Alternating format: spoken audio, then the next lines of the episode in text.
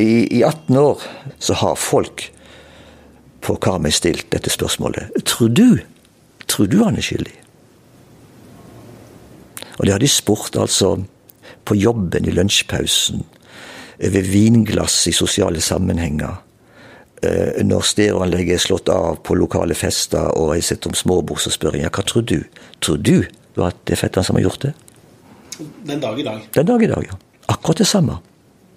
20 år etterpå.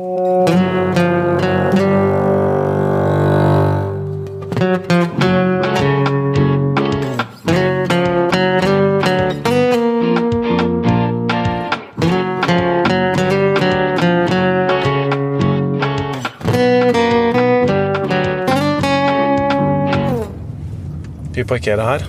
Ja, vi kan gjøre det. Du hører på andre episode av Uløst. Jeg heter Tor Erling Tømt Ruud. Hvilket hus er det, tror du? Ja, det er lenger opp i bakken. Denne krimpodden handler om drapet på 17 år gamle Birgitte Tengs i 1995. En sak som fortsatt ikke er oppklart. Jeg skal kjøre opp, eller hva tenker du? Jeg tror du kan kjøre opp, ja. Har du ikke hørt første episode, anbefaler jeg at du finner den på VG eller der du laster ned podkaster, og starter der. Skal vi bare stå her, eller?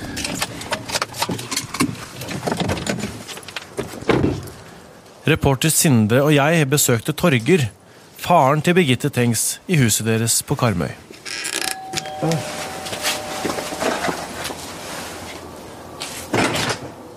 Hei, god dag. Hei. Torger? Ja, Ja, hei. kom inn. Takk for det. For et vær. Det er alltid sånn på Det er det, ja. Det er det, ja. Wow. Så her er det rett ut til havet, ja.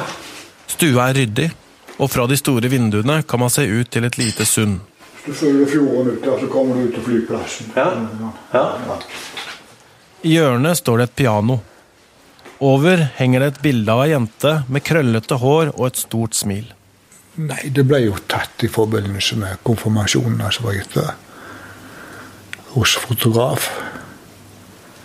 Det ble tatt en serie med sånn, var det nye bunad og ja.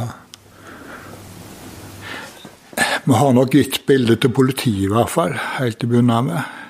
Muligens til pressen òg, jeg vet ikke.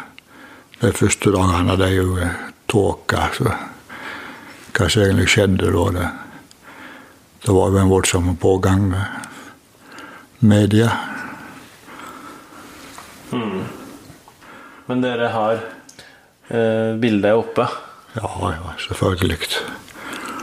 Eh, Du skal jo ikke ha bilder på veggen i stuene lenger, så Så vi har nå beholdt det bildet der. Ja. Nå står det på veggen over pianoet. Pianoet har nå stått. Ingen som spiller på det. Fredag 5. mai er faren til Birgitte ute på sjøen. Han jobber som sjømann, og skipet hans skal til Rotterdam. Jeg hadde en lang samtale med Birgitte på telefonen da vi gikk fra Flekkefjord, husker jeg. Kvelden i forveien. Ja, hun hadde det bra, men uh, Birgitte var litt sånn Måtte være oppe i tetsjiktet i klassen. Og det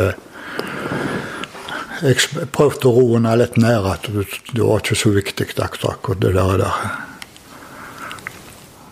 Birgitte hadde begynt på musikklinja på Skeisvang videregående skole i Haugesund, og drømte om å bli organist. Det var mange flinke der, for å si det sånt. Jobba noe besatt, vet du. Så jeg prøvde å få henne til å roe seg litt. Vi så jo at jenta var stressa, rett og slett. Et halvt døgn etter at Birgitte blir funnet, veit faren fortsatt ingenting om det som har skjedd. Familien tenker at det beste for faren er om en sjømannsprest møter han i Rotterdam for å fortelle om datteren. Det de ikke tenker på, er at han sjøl kan ringe hjem. Jeg ringte jo, vi ringte jo hjem. Vi var ute forbi kysten av Holland, var på vei til Rotterdam. Så jeg ringte hjem. Og fikk aldri svar. Til slutt forsto jeg at det var noe galt, og begynte å ringe til andre. Dette var før mobiltelefon. og den som svarte borti huset der, det var fetteren. Og han fortalte hva som hadde skjedd. Dette var dagen etterpå det hadde skjedd. Han fortalte detaljert hvor det var henne. I den første telefonsamtalen? I den første telefonsamtalen, ja. Hva sa han? Jeg husker han Jeg var jo i sjokk, men han forklarte først hvor det var. Så det var det en plass jeg trodde det var. Nei, det er ikke akkurat der, litt lenger og sånt og sånt. Så.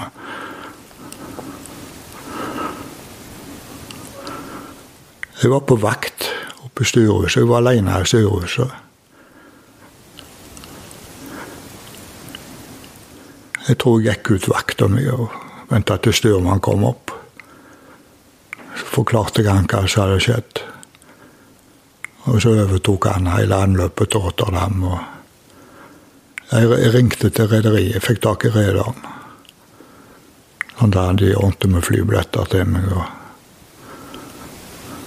ja, reiste hjem dagen etterpå.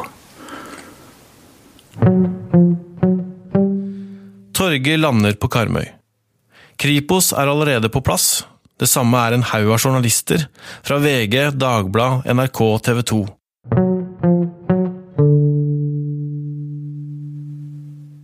Alle bor på samme hotell, alle henger rundt politihuset, og alle leiter etter folk som vil snakke. Jeg husker en gang vi gikk ut på plassen her, her ute der det skjedde. Så kom der en bil opp på sida på oss og begynte å snakke til oss. Så ville ikke vi snakke med dem. Så fotograferte jeg faktisk alltid gjennom bakruta på bilen. Og det bildet setter de i avisa. Det er ikke fint gjort. Mange gav uttrykk for at journalistene var i anførselstegn frekke, pågående, mangla folkeskikk. Dette er Harald Dale. Han jobba i lokalradioen Radio 102 på Karmøy. De skulle vite alt om Birgitte. De spurte, de grov, tok ikke hensyn til nære slektninger osv. Det var mye sånn reaksjon på det. En hadde jo aldri opplevd denne type hendinger med et sånt drap på ei sånt ung jente som opprørte på den måten, og som skapte sorg og fortvilelse i lokalsamfunnet, og usikkerhet og redsel. Og så kommer disse bladfolkene, TV-folkene, i tillegg og er direkte og pressa skal snakke med folk, ikke gir seg. Mange, mange var forbanna på media da. Den siste vitneobservasjonen av Birgitte er like over midnatt. Politiet jobber med å få oversikt over hvem som var ute i området, og setter i gang en rundspørring. Dette gjelder flere hundre ungdommer, for det er en del folk ute på Karmøy en fredagskveld. Mange blei tatt inn til avhør. Det, det, ble jo et sjokk for, for bygdefolket, for Kopervik-samfunnet, for ungdomsmiljøet, for foreldrene. Mødrene var jo livredde for hva deres ungdommer hadde rota seg borti den fredagskvelden. Mange sjekka skittentøykorgene for å se om det var noe ytterplagg, noe jakker, bukser eller annet som var lagt der som ikke skulle være der. Om noen hadde brukt vaskemaskiner som de ikke var vant til for å skjule noe. Det ble en på mange måter en panisk stemning eh, i mange miljø. Faren til fetteren var også blant dem som sjekka sønnen sin. Vi undersøkte klær, vi undersøkte sykkelen, vi undersøkte ja, om det kunne vært tegn på ting. Så vi gjorde det vi ble oppfordra til å gjøre. Og dessverre så er jo det i ettertid blitt tolka som at vi hadde mistanke til vår sønn. Hvordan var det å måtte sjekke sin egen sønn da? Hva tenkte dere om det? Vi likte jo aldri situasjonen, men hvem er det som liker situasjonen når det er begått et drap i bygda? Ingen liker en sånn situasjon. Og sånt var vi skrudd sammen, og sånt vil jeg tro de fleste andre er skrudd sammen. Sånn som mange andre har også fetteren vært innkalt som vitne i løpet av uka som har gått. Det er vanlig det i så store etterforskninger, men det som er uvanlig her, er at han satt seks timer den ene dagen og sju timer dagen etter. Det er mange timer. Fra de avhørene kan vi i starten lese dette. Vitnet var søskenbarn til Birgitte Tengs. Hans far og Birgittes mor er søsken. Han bor hjemme hos sine foreldre omtrent 700 meter sør for Tengs hus. Vitne og Birgitte vokste således opp sammen. Vitnet ble i godt humør ved å være sammen med Birgitte. Hun engasjerte seg bestandig i personen hun snakket med, og lyttet til vedkommende var ferdig med å snakke. Hun kunne snakke med hvem som helst, og kunne tilfeldig snakke med noen som gikk forbi, uten noen annen grunn enn at hun var interessert i personen. Siste gang han så Birgitte, var søndagen for to uker siden. Han var da ute og jogget på Gamle Sundveien og hadde akkurat snudd i nordenden. Idet han kom opp på toppen av den første stigningen, omtrent 15 meter fra hvor Birgitte ble funnet, så han Birgitte og hennes venninne komme syklende i retning mot han. Han slo ned tempoet og spurte om de hadde hatt det fint på fjellet. Vitnet var klar over at de, sammen med flere venninner, hadde leid ei campingvogn ved Haukelifjellet i påsken. Han synes også de så solbrent ut, og spurte noe om de hadde hatt fint vær, og at de så røde ut. Venninnen svarte at de hadde syklet raskt, og at det var derfor de var røde. Han kan ikke huske at Birgitte sa noe spesielt.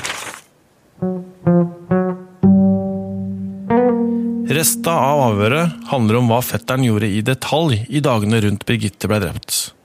I hovedtrekk. Han gikk på kino med noen kompiser fredagen, og så dramakomedien Nobody's Fool med Paul Newman. Han sier han dro hjem før ungdomsklubben stengte klokka tolv, og var hjemme rett etter midnatt. I tillegg har ryktene i det lille Karmøy-samfunnet begynt å gå, og politiet har fått inn tips. Spesielt mener en av fetterens lærere at eleven hans oppfører seg mistenkelig. I løpet av to døgn har læreren ringt fem ganger for å rapportere om fetterens oppførsel. Det går annet på tidligere episoder som at han har klaget på karakterer, at han er sta, og rapporter om hvordan han reagerer i dagene etter at Birgitte blir funnet.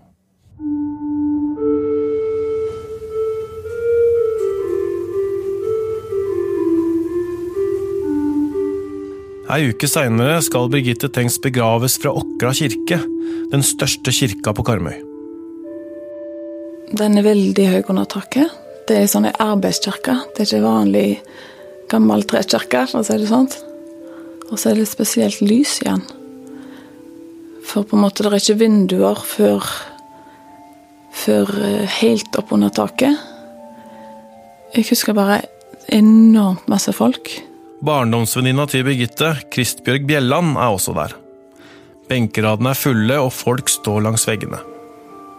Jeg satt eh, kanskje på sjette rad, nærmest midtgangen. Og da satt jeg med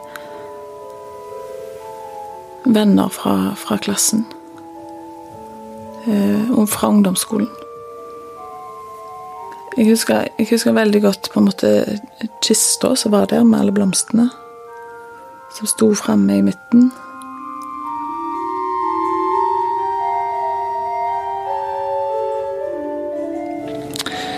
Ja, begravelsen var jo øh, følsom. Jeg hadde travelt. Øh, holdt på med min egen sending og skulle rekke å gjøre ferdig sendingen og komme meg ut til Åkra. og Jeg hadde jo dress som var på kontoret, jeg fikk tatt den dressen på meg, men jeg fikk ikke skifta sko av en eller annen merkelig grunn. Jeg vet ikke, men jeg stilte da i mørk dress og slips og hvit skjorte med meg joggesko. Og jeg fikk kjeft hos politiets Reidar Gaupås. Sånn stiller du ikke i en eh, begravelse. Ja, jeg veit det, men jeg kommer ikke så langt. Kirka var full av folk. Og eh, presten var flink, og det var selvfølgelig mye følelser der. Og ikke minst gjorde det inntrykk av hennes, eh, hennes skolevenner fra musikklinja på Skeisvang videregående skole, som òg opptrådte, eller som da sang en sang. Det var et skolekor som da sang for sin medelev. Eh, med masse tårer og masse gråt, men likevel veldig god sang. Jeg husker også spesielt lyset som kom inn fra et overvindu også inn på dette koret som sto og sang, og gjorde det litt spesielt og litt riktig.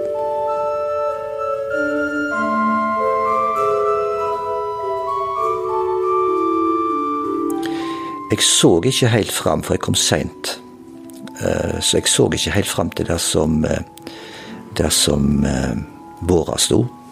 Men jeg så jo politiet der, som var postert på forskjellige plasser. Alle pent antrukket. Så de var jo til stede.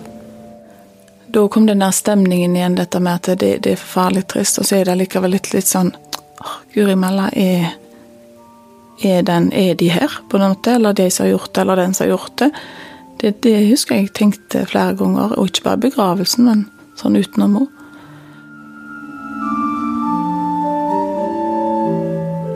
Birgittes foreldre sitter på første rad. Slekta er samla på benkeradene bak, også Birgittes onkel, altså faren til fetteren. Jeg satt sammen med eh, kjerringa og, og mine barn. Fetteren er en av dem som har fått en spesiell oppgave i kirka. Han var med og skulle bære kista, og det så han på som en ærefullt oppdrag. Og var voldsomt glad for at han uh, var en av de som var utpekt til å være med å bære kista. Det husker jeg han var glad for. Men under seremonien skjer det noe med fetteren. Han hadde litt uh, problemer med å holde kontroll over kroppen. Og det var spenninger, de voldsomme spenninger. Han hadde jo fått mistanken kasta over seg. Og han merka jo at, eh, at uh, det var folk prata bak ryggen på han. Det, det hadde han nok eh, merka seg. Også læreren som har fulgt med på fetteren, er i kirka. Jeg vet ikke hvor han satt henne, men jeg vet at han satt lenger bak. Og etter jeg har forstått det, så satt han og fulgte med på, på, på min sønn da, og hadde mest fokus på han. De, og han hadde vel òg varsla sine en av sine kollegaer at uh, fetteren ville bli uh, arrestert like etter begravelsen.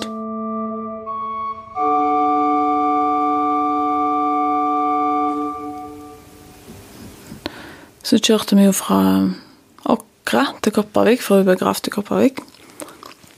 Og da var det Det var Trafikken som skulle kommet imot, den, det var ikke trafikk, for alle bare, det sto helt stilt, på en måte, når det eh, når følget kjørte fra Åkra til Kopervik. Det var Så det, har jo, det berørte jo alle. Sant? Alle, på en måte, For om de ikke var i begravelsen, så var det at det liksom Når det gravfølget kom, så sto sto det egentlig litt stille på Karmøy. Framme på kirkegården samler folk seg rundt grava. Torger, faren til Birgitte, ser at fetteren får problemer. Altså det, det så ut som en sånn epilistisk skaking, ukontrollert risting. Nei, så mor kom så jeg holdt rundt han bakkant og holdt han fast for at det ikke skulle være så synlig. Ja, rykninger, jeg vet ikke hva jeg skal kalle det, men jeg husker at jeg tenkte at det, det så ut som han skulle svime av der han sto. Husker det på, gra, eh, på graver spesielt. Bleike og jeg husker, jeg husker noen holdt igjen, på en måte.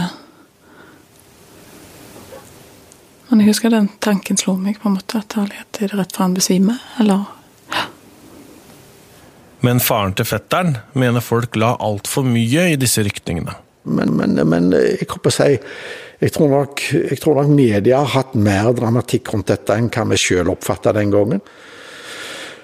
Han fullførte begravelsen sånn som alle andre, men han var urolig. Det er det ingen tvil om. Og det var med bakgrunn av denne ryktespredningen som allerede hadde nådd han. Her trenger vi hjelp fra de som har peiling. Vi vil vite hva sånne rykninger kan komme av. Det å føle seg mistenkeliggjort er jo ikke en hyggelig følelse for noen. Vi snakka med Akaya Berg, som er psykolog ved Norsk senter for mentale lidelser. Hun har aldri møtt fetteren, så uttaler seg generelt. Man kan jo bare tenke seg når man står på trikken og det kommer kontrollører. Som regel så har man kanskje betalt, men man likevel kan kjenne en sånn stikk av Å, jo, ok, jeg hadde betalt. Fordi at det er en trusselsituasjon. Um, og vi er jo sosiale vesener. Og eh, dersom man merker seg at uh, mennesker rundt har mange tanker om deg som du, ikke, som du vet ikke stemmer, eller tenker ikke stemmer, så er det en utrolig ubehagelig situasjon. Man blir sosialvurdert, og man kan ikke gjøre noe med det. Og det er den verste form for sosialt stress, og det er det vi reagerer sterkest på som mennesker. Sånne rykninger i, kan være uttrykk for det vi kaller for dissosiativ motorisk reaksjon. Som er rett og slett ufrivillige forstyrrelser i den vanlige sammenhengen mellom bevisstheten din og bevegelsene dine.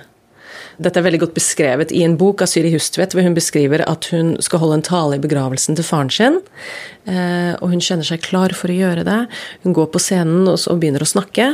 Eh, og hun føler seg på plass. Hun kjenner seg ikke for sorgtung eller redd eller nervøs, men kroppen skjelver helt uh, ukontrollert. Og dette ser vi på som psykologisk forsvarsmekanisme uh, mot uh, forskjellige sterke følelser som vi ikke er i stand til å håndtere for en eller annen grunn. Hvis det er én ting vi vet, så er det at folk er veldig veldig forskjellige i hvordan de reagerer på, på sånne, sånne, hendelser. Um, og jeg tenkte jeg skulle nevne en sak fra 80-tallet i Australia som ble en ganske stor sak, hvor en kvinne ble dømt for drapet på sitt spedbarn. Og eh, Det var mange forskjellige grunner til det, men blant annet så var det det at hun ikke oppførte seg sånn som man forventet. Og spesielt pressen var veldig opptatt av at hun ikke oppførte seg sånn som man burde når barnet ditt er borte. Eh, og tre år seinere så, så, fikk man bevis for at hun ikke hadde gjort drapet, og hun ble sluppet fri. Men eh, et stort problem var hvordan hun oppførte seg i ettertid. Ok, hvorfor blei fetteren så tidlig interessant for politiet? Det ene er at han kjente Birgitte og hadde god kjennskap til området. Det andre er at han var ute i Kopervik på drapsnatta og politiet var ikke sikre på at han var hjemme da Birgitte ble drept. Det var nemlig et vitne som mente hun kunne sett ham på et seinere tidspunkt. Det kommer vi tilbake til i en annen episode. I tillegg er det noen hendelser som kanskje er grunnen til at ryktene og mistanken i det hele tatt oppsto. For det var ikke første gang at fetteren var inne til avhør på lensmannskontoret.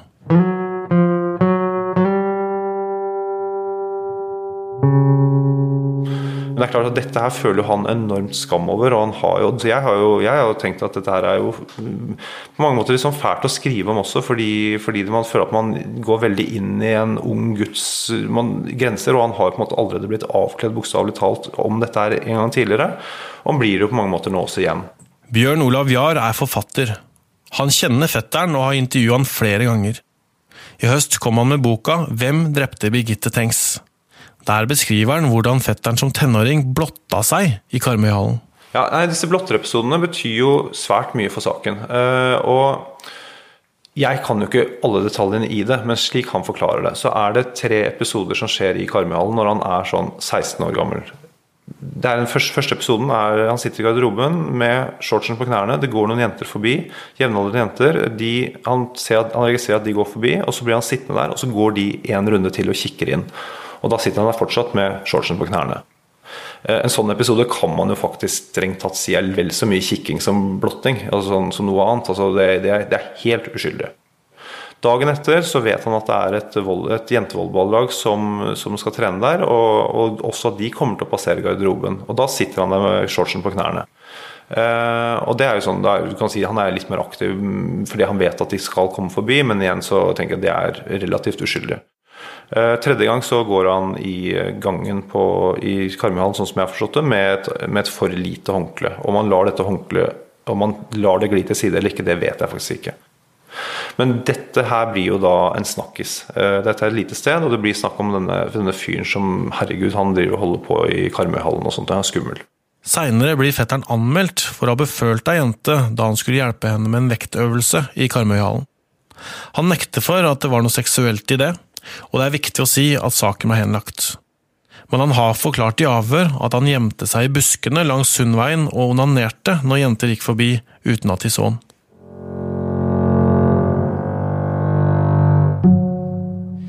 Vi har vært veldig i tvil om hvor mye vi skal ta med av denne sedelighets- og blottesaken. Fordi fetteren syns det er veldig ubehagelig, og vi tenker at han og hans familie har vært utsatt for sterke påkjenninger de siste 20 åra. Hvor mye skal han tåle? Hvorfor skal man få noe så skamfullt bretta ut med jevne mellomrom i hele sitt voksne liv? Hvor mye kan vi i media tillate oss å fortelle i et forsøk på å belyse denne saken enda en gang? Når vi velger å ta det med, er det fordi vi tror det har betydning for ryktene. For hvorfor politiet velger å se på den med en gang. For avhøra, rettssakene og for hvordan fetteren i det hele tatt har blitt oppfatta. Kan det være at det var derfor etterforskningsleder Ståle Finnshall fra Kripos allerede to dager etter drapet tegner en ring rundt navnet til fetteren i notatene sine? Er det skammen knytta til disse hendelsene som gjør fetteren ekstra sårbar i avhør seinere? Det er så lett å tenke når man hører om det, at det må jo være han.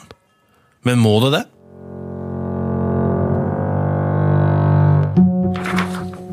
Når vi snakker om blotting, så snakker vi om trangen til å vise fram sin genitalia til andre. Psykolog Akaya Berg. Og dette er den vanligste formen for eh, seksuell avvik eller kriminalitet, om man vil kalle det det. Eh, det er en svensk studie fra 2006 som, som viser at det rapporteres at ca. 3% av den generelle befolkning har, eh, har, eh, gjort blotting, eller har blottet seg. Og ca. 7% bekrefter at de har f.eks. likt å spionere på andre for egen seksuell nytelse. Hva med, hva med sammenhengen mellom blotting og vold? Ja. Kan du si noe om det? Ja, Det er ganske interessant. Eh, det har vært en del forsøk på å finne ut av det. Eh, fordi man har jo i tidligere tider tenkt på blotting som en ganske harmløs aktivitet hos mennesker som i utgangspunktet ikke er så veldig farlige. Så har det vært forsøk på å, gjøre en del studier på det. Og det ser ut at ca. 10% av de som har blottet seg, har etter en femårsperiode eh, gått videre til litt mer alvorlige overgrep. Dvs. Si at fra seksuell atferd som innebærer at man ikke tar på andre mennesker, til seksuell atferd hvor man faktisk tar på andre mennesker på en eller annen måte. Um, men det vil si at det er ca. 90% som ikke utvidet denne atferden, som bare fortsatte med blotting eller sluttet med det. Så det er en ganske stor andel som, som ikke får noe mer alvorlig kriminalitet knyttet til seg. Når det gjelder Nei, det går bra. Stopp. Du har ikke spurt om det. Greit. Si det gjerne. Nei, nei, nei. Det, det var bare dette her med mord. Er, jeg finner ingen studier som, som ser på det. Men jeg tenker at det er så ekstremt viktig for den forståelsen av saken. For det som skjer er at jeg tror han har mye empati og mye, og mye samvittighet, og han føler jo stor skam over dette her. Så når Birgitte blir drept, så er dette her med på å gjøre til at han føler seg mistenkeliggjort, og fordi han har det også i tankene. At han har dette på seg. Hvem er det som vet dette her? Er som, hva er det folk tenker om meg? Og til og med faren hans tenker jo at liksom, shit, liksom, sønnen min har jo faktisk drevet og holdt på i Karmøyhallen, og er jo da føler Det er jo det som gjør at han føler seg noe utrygg, og at han sjekker bagen til sønnen sin og er med på å måtte nøre opp under den mistenkeliggjøringen som, som sønnen føler.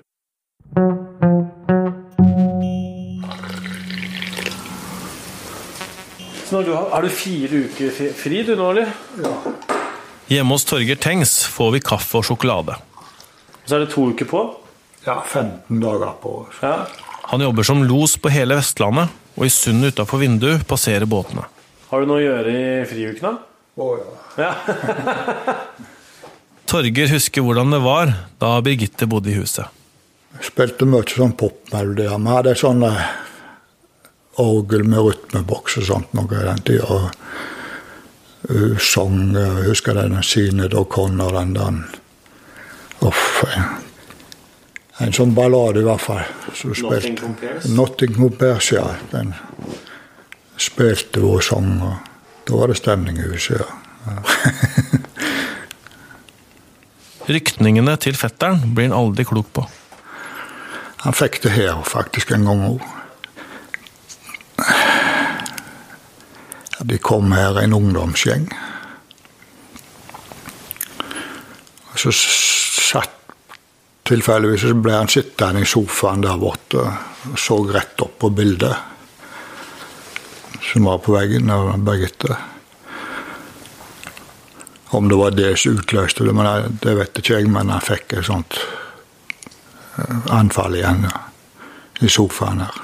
Hva tenkte du da? Nei, altså, fremdeles så setter det jo Vi fikk jo forklaringer at han har fått sånn sjokkreaksjon og bla, bla. Så vi, vi tenkte vi, vi, vi, mistenkte ikke han, vi gjorde ikke det.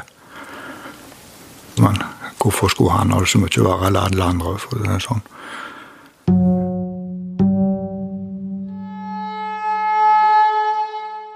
Rett etter begravelsen planlegger lensmann Dagfinn Torstveit å hente inn fetteren til nye avhør. For å si det sånn, eh, hvis du ser statistisk på det, så er jo oftest drapsmannen en eller annen som er kjent av offeret fra før. Veldig ofte er det slik. ja.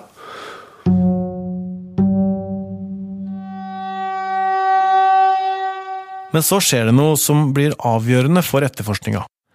Du husker kanskje fra første episode at i hendene til Birgitte blei det funnet noen lange, lyse hårstrå. De fant noen hår i Birgittes hånd, og, så, og noen av dem var lange. 17-18 cm eller noe sånt. De blei sendt til Rettsmedisinsk institutt i Oslo. Så sier jo rettsmedisin at de håra var ikke hennes. Altså måtte det jo da være gjerningsmannens. Svaret som kommer fra Oslo, er altså at håra som blei funnet, ikke er Birgitte sine, men gjerningsmannens. Det gjør at de starter på en jakt på menn med langt, lyst hår. Fetteren er ikke en av dem. Og det var lange hår. Og vedkommende hadde jo kort hår. Politiet sjekka til og med om fetteren hadde klippet seg den lørdagen, men det hadde han ikke. Eh, så da kunne det ikke være han, og da begynte vi et voldsomt prosjekt med å finne noen som hadde langt, lyst hår. Så nå handler det om de fysiske bevisa. Også i dag sjekker politiadvokat Tor Buberg om spora de har fortsatt kan undersøkes. Den største muligheten til å få et resultat i saken er at eh, vi får eh, muligheter for at tekniske eh, beslag, teknisk materiale, kan bringe oss videre. Da, da tenker jeg på konkrete spor, blod, prøver som er tatt fra Birgittes klær etc., for å mulig å se om eh, det er mulig å finne en DNA-profil i dag som er egnet til sammenligning med eh, blodprøver. Eh, det er jo det vi håper på. Når vi finner gjerningsmannen, så vil vi sikkert få mange aha-opplevelser. Du sier når vi finner den. Er, ja. du, er, du, sikker på at den kommer til å bli funnet? Sikkert kan det aldri være, men jeg har håp om at vi kan finne den. Hør mer i neste episode av Uløst.